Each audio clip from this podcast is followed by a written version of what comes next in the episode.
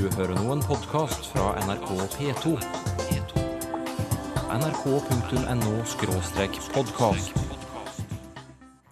Har du hørt historien om A-en som forsvant? så har vi altså et pronomen som er helt forsvunnet eh, fra et stort område, uten at noen har leet på øyelokket over hodet.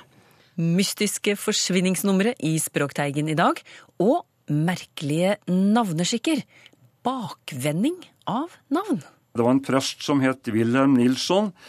Han ville bli litt mer eh, original, så han snudde Nilsson til Noslin.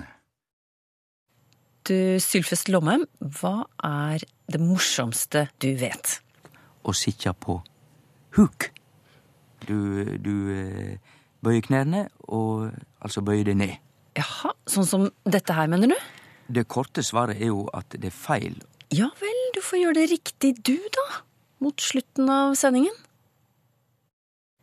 Sitter her på trappa, venter på A. Martha, sang Vazelina Bilopphuggers i sin tid. Og en slik bruk av A foran navn finner vi mange plasser i landet. Men ett sted har den forsvunnet. Tilsynelatende uten at noen har savnet den i det hele tatt. Språkforsker Janne Bondi Johannessen ved Universitetet i Oslo. Fortell historien om A-en som forsvant. Ja, det er jo veldig påfallende at uh, når det skjer noen endringer, så blir det jo et ras av leserbrev og sinte folk rundt omkring. Men så har vi altså et pronomen, eller en bruk av et pronomen, som er helt forsvunnet uh, fra et stort uh, område, uten at noen har leet på øyelokket over hodet. Og det er altså, som du sier, a-en som forsvant. Det er altså navneartikkelen i Oslo-området.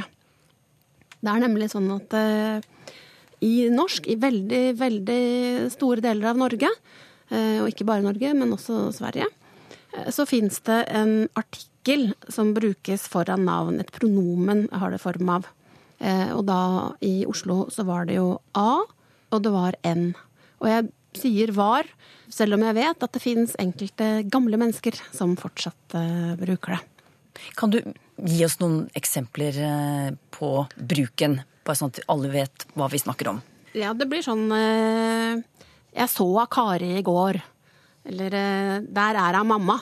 Det går nemlig an å ha den også foran navn som, eller ord som ligner på navn, nemlig mamma og pappa. Det er typisk sånne navneaktige ord, og de, der har man den også. Mm. På fagspråket har du fortalt meg kalles dette for den preproprielle artikkel. Hva er det for slags fenomen, egentlig? Det er ikke helt klart hva slags fenomen det er, men det fins faktisk eh, Ja, jeg og en kollega av meg, Pjotr Garbarts, vi holder på å skrive om det akkurat nå. Det er et pronomen som settes foran et navn. Og da, da er det hunnkjønnspronomen foran hunnkjønnsnavn og hannkjønnspronomen foran hannkjønnsnavn. Altså eh, A eller hu eller ho foran eh, jentenavn, og han eller en eh, foran guttenavn. Eller noen andre varianter. Ja, vi har nå et bilde, tror jeg nå skal finnes. Av Margot, søstera mi, tror jeg. Da var det noen Johan og Jon Sæterhaugen og, og vi og, og far vår. Eh, og det som er eh, med disse artiklene, eller som vi kan kalle dem, det er at de faktisk ikke oppfører seg helt likt rundt i landet heller. Fordi veldig mange vil si at ja, dette er en typisk sånn Nord-Norge-ting. Eh, man sier eh, i Nord-Norge ja, der, der kommer Kari. Eller der kommer ho Kari, sier de kanskje. um, og i Nord-Norge så bruker de denne artikkelen foran absolutt alle navn. Eh, Det kan være navn på folk man kjenner, det kan være navn på folk man ikke kjenner. Det kan være kjendiser, det kan til og med være sånn som Jesus. Sånn at eh, virkelig, bare det er et navn, så kommer artikkelen fram. Der skulle vi jo bygge hytta. Der som den røde ja, hytta står nå, der som Sølvi er. Så er det andre steder, f.eks. på Hedmark eller Oppland, så har man eh, det kun foran fornavn. Så at hvis man omtaler en person med både for- og etternavn, eller bare etternavn, så bruker man ikke eh, navneartikkelen. Men hvis det kun er foran fornavn, så bruker man den. Så gikk jeg veien nordover over et stykke, men da kom en Per kjørende og lurte på om jeg ikke skulle kjøre meg en bit. Hvordan har denne konstruksjonen oppstått? Vet du hva? Det skulle jeg virkelig ønske at jeg kunne si noe om. Eh, og det har jeg faktisk prøvd å undersøke, både jeg og kollegaen min, som jeg nevnte. Og vi har virkelig ikke kommet til bunns i det. Det er eh, et spennende spørsmål som kanskje ikke finner et svar. Eh, Vi har jo mange tekster eh, på gammelnorsk, og i de tekstene så finner vi ikke navneartikkelen. De første tekstene vi har funnet navneartikkelen i, er eh, fra slutten av 1600-, begynnelsen av 1700-tallet. Men siden den fins i absolutt hele landet, så er det veldig merkelig om den skulle oppstått så seint som på 1600-1700-tallet. Og da tenker man at ja, den må jo nesten ha eksistert tidligere. Og det kan ha gjort, fordi faktisk, selv om vi har veldig mye tekst fra gammelnorsk, så er det bestemt type tekst. Og mange vil mene at eh, å bruke navneartikkelen er et eksempel på muntlig språk, og at i skrift så trenger man ikke å ha den med. For den har jo eh, antagelig ingen betydning. Om man sier Akari eller bare Kari, eh, så endres ikke betydningen i det hele tatt. Eh, Sånn at det kan hende at eh, allerede i gammelnorsk så var skriftspråket såpass formelt og spesielt at man lot være å bruke navneartikkelen eh, når man da skrev. Men du sier den har ingen betydning, men hva slags funksjon har den da? Ja. Hvorfor bruker vi den? Eh, altså, vi bruker jo bestemmere da, for substantiver generelt, så det kan jo være knyttet til det. For eksempel eh, Vi har jo forskjell på bord og bordet og ett bord. Ikke sant? Eh, så vi bruker jo småord sammen med substantivene. Eh, og det kan jo ha, være knyttet til det, selv om det kanskje ikke har den eh, samme bestemthetsfunksjonen, fordi egennavn er i utgangspunktet alltid bestemte. Men noen steder, spesielt de stedene, på de stedene der hvor det bare brukes med fornavn, så kan man jo kanskje mene at det er en slags sånn nærhets... At den har en nærhetsfunksjon. Eh, Sånn at man bruker den om folk som står en nær. Og da eh, får den jo en bestemt funksjon i forhold til om man bruker f.eks. For, for- og etternavn, som da er litt mer distansert. Men så forteller du altså at i løpet av én generasjon så har denne preproprielle artikkelen forsvunnet i Oslo. Og Ja. hvorfor har den det? Det er veldig vanskelig å vite hvorfor noe skjer. Det er jo f.eks. ikke spesielt lettere å, å snakke norsk uten å ha den preproprielle artikkelen enn å ha den med. Eh, men det kan altså ha noe å gjøre med dette med folkelighet. Altså den er en del Altså hele Øst-Norge så bruker man jo den preproprielle artikkelen, egentlig veldig, veldig store deler av landet, eh, med noen unntak, da. Eh, Så det kan være det at, at det har føltes litt landsens. altså fordi f.eks. på dansk så har du ikke den preproprielle artikkelen. Og dansk har jo vært et Det er jo det som legger grunnlaget for bokmålsskriftspråket. Det høyverdige norske, det formelle norske, det har ikke den preproprielle artikkelen i.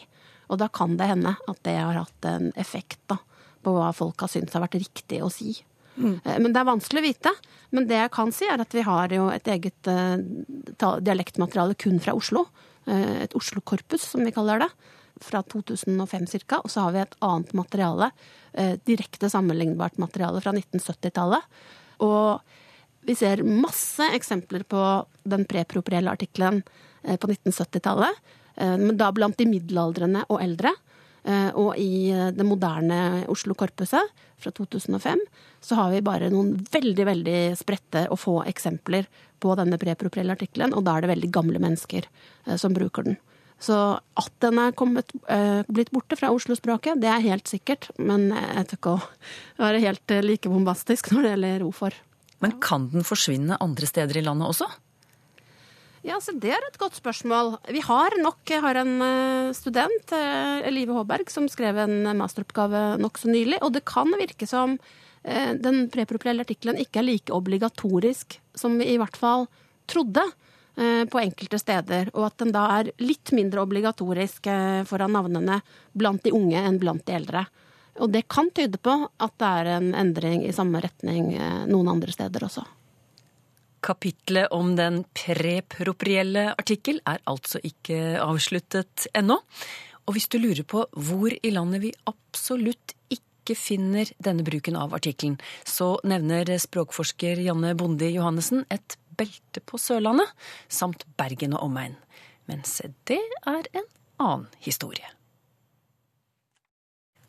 Klart språk i offentlige brev og skjemaer var tema i forrige utgave av Språkteigen.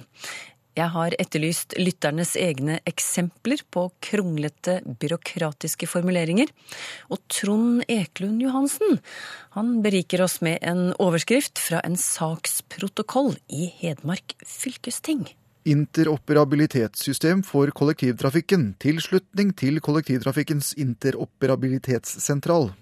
Ja, dette er et offentlig tilgjengelig dokument som hvem som helst i demokratiets navn skal kunne lese, men hva det handler om, det er kanskje litt uklart. Ingebjørg Eitreim Nondal har tatt vare på et utklipp fra VG, som siterer et brev fra Finansdepartementet til Departementenes servicesenter. Det handler rett og slett om kjøp av nye gardiner. Som ifølge brevet har blitt ytterligere aktualisert som følge av hendelsen som inntraff i regjeringskvartalet i juli. Videre står det Finansdepartementet har derfor funnet å kunne prioritere avsetning til anskaffelse av nye gardiner innenfor eget driftsbudsjett. prioritere avsetning til anskaffelse. Hvorfor si det enkelt når man kan si det kronglete?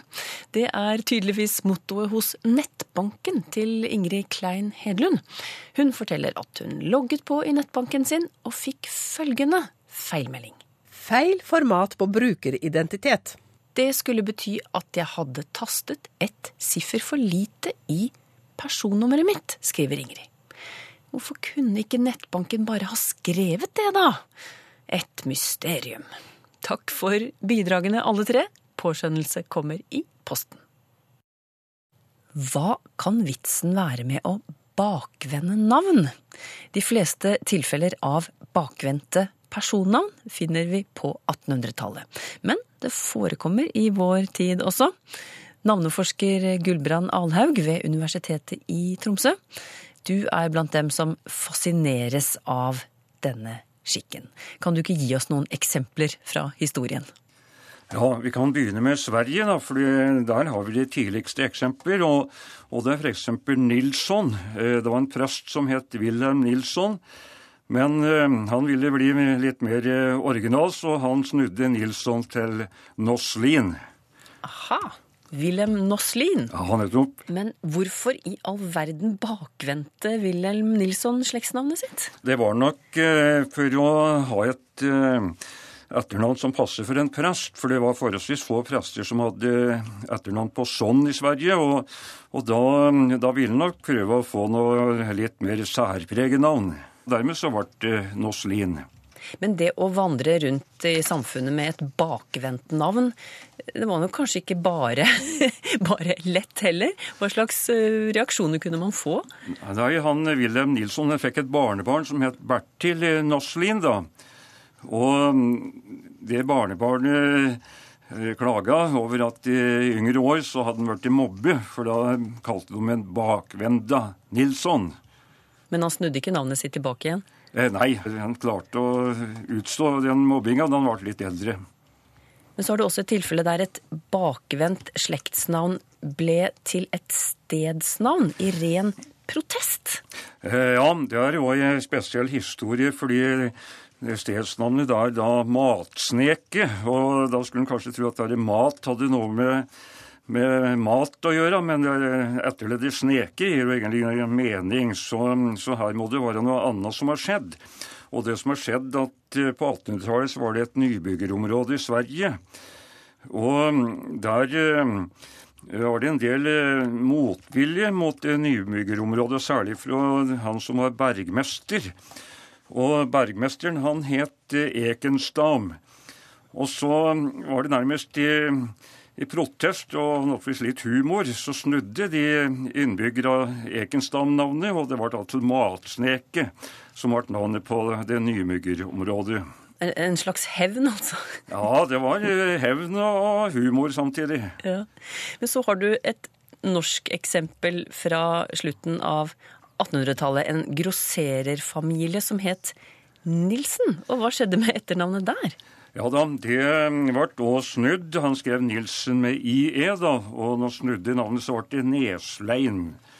Og det var jo for å, for å kunne skille seg ut, fordi du vet, en grosserer han skal liksom ha et varemerke, og, og da er Neslein et mer særpreget varemerke enn en Nilsen.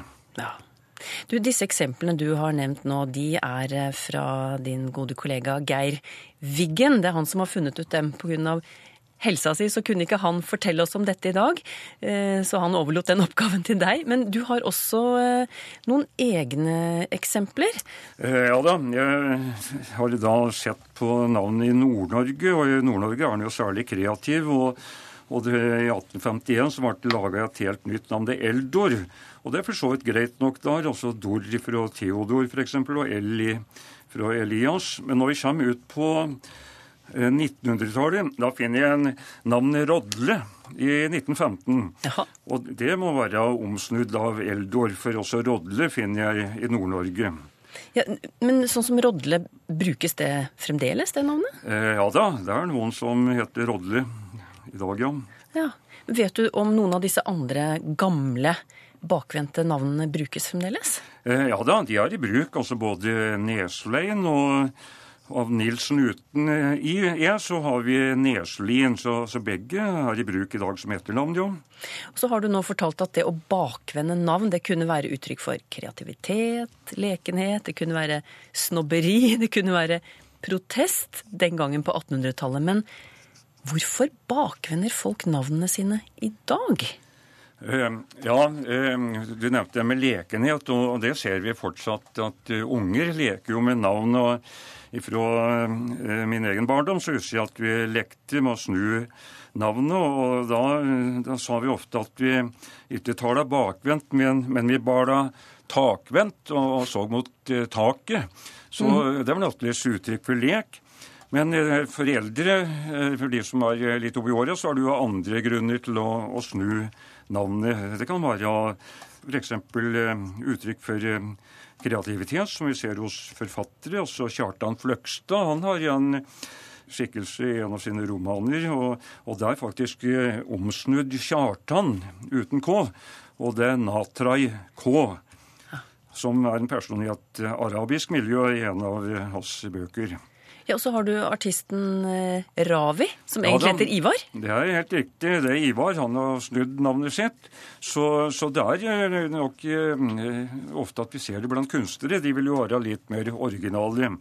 Og ikke nødvendigvis at den, at den snur navnet, men det, det kan også være andre kunstneriske element. Og da vil jeg trekke fram Astrid Lindgren. For hun har det navnet som er et av de mest populære både i Sverige og, og Norge nå. Der, eh, hun fant også opp navnet Ronja. Og eh, Det kunne kanskje tro skulle være noe baklengs Ainor, men det er det ikke. Men det er faktisk navnet på en eh, innsjø i svensk Lappland, like over grensa i Nordland i Junkerdalen. Og den innsjøen den heter Joronjavre. Og så går hun midt inn i det innsjønavnet og tar ut Ronja. Så på den måten oppstår eh, navnet Ronja. Det er også uttrykk for kreativiteten. eh, I det tilfellet en, en forfatter. Det her lærte i alle fall jeg noe nytt om navnet Ronja. Takk skal du ha, Gulbrand Alhaug, navneforsker ved Universitetet i Tromsø. Språkteigens engasjerte lyttere sender oss stadig nye spørsmål. Her er et fra Erling Andersen, som lurer på om det er noen forskjell i betydningen av ordene skjerf og sjal, f.eks. når det gjelder stoff, bruk og form, og hva er bakgrunnen, Sylfest Lomheim? Ja, når det gjelder bakgrunnen til orda, sjal kjem fra persisk, historisk sett. Og det betyr da et stykke tøy. Og eh, skjerf, det har vi lånt fra fransk, det de snakker om écharpe. Og på fransk så betyr det både et bind rundt armen og et plagg rundt halsen. Så det er den historiske bakgrunnen for de to orda. Men det sier jo egentlig ikke så veldig mye. Spørsmålet er betyr disse orda det samme på norsk? Bruker vi det ulikt? Svaret er ja. Absolutt ja. Jeg vil påstå at sjal, det er noe som vi assosierer med kvinner. Kvinner har sjal. Og eh, sjal kan òg være et ganske stort stykke tøy som du liksom draperer rundt, ikke bare hals, men skulder og alt. Skjerf assosierer jeg til både kvinner og menn, Og da er det jo allerede en stor skilnad. Og dessuten så mener jeg at et skjerf er et mindre stykke tøy. Det er bare noe som du har rundt halsen. Anne Rita Andal, som er nynorskbruker, hun trekker fram ordet beslutningsmyndighet. Hun forteller at hun studerer politikk og forvaltning, og vender stadig tilbake til dette fryktelige ordet, som hun kaller det, altså beslutningsmyndighet.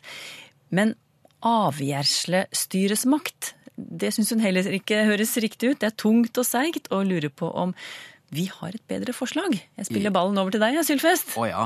Hvis eh, Anne Rita Andal har noen i sitt miljø som mener at på nynorsk så kan hun da bruke avgjerslestyresmakt istedenfor beslutningsmyndighet, så er jeg rykende usamd. Nynorsk er langt mer funksjonell enn som så.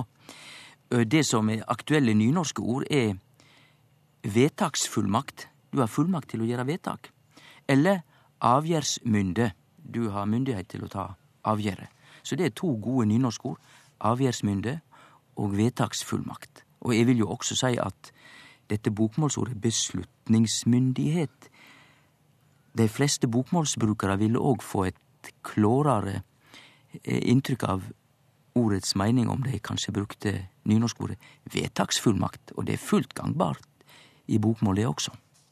Brittina Berg lurer på hvorfor vi sier sitte i hockey når slalåmkjørere eller langrennsutøvere som renner utfor bakker, bøyer knærne dypt og gjerne legger armene på lårene.